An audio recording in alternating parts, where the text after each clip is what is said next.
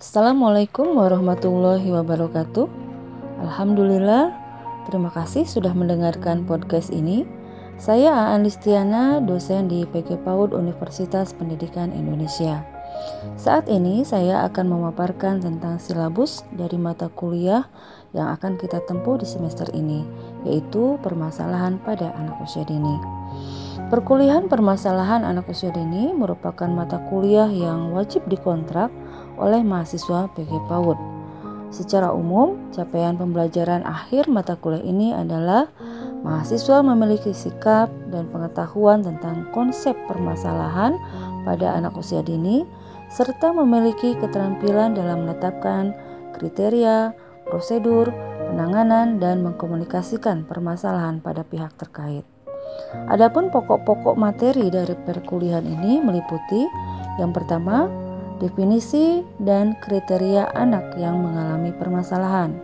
Yang kedua, menganalisis faktor internal dan eksternal yang mempengaruhi permasalahan pada anak usia dini. Yang ketiga, mengidentifikasi berbagai jenis-jenis permasalahan pada anak usia dini yang meliputi permasalahan sosial, emosional, dan moral.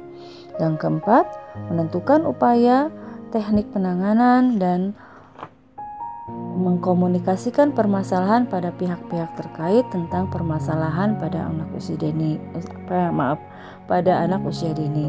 Dan yang kelima, merancang kajian ilmiah atau studi kasus tentang permasalahan pada anak usia dini.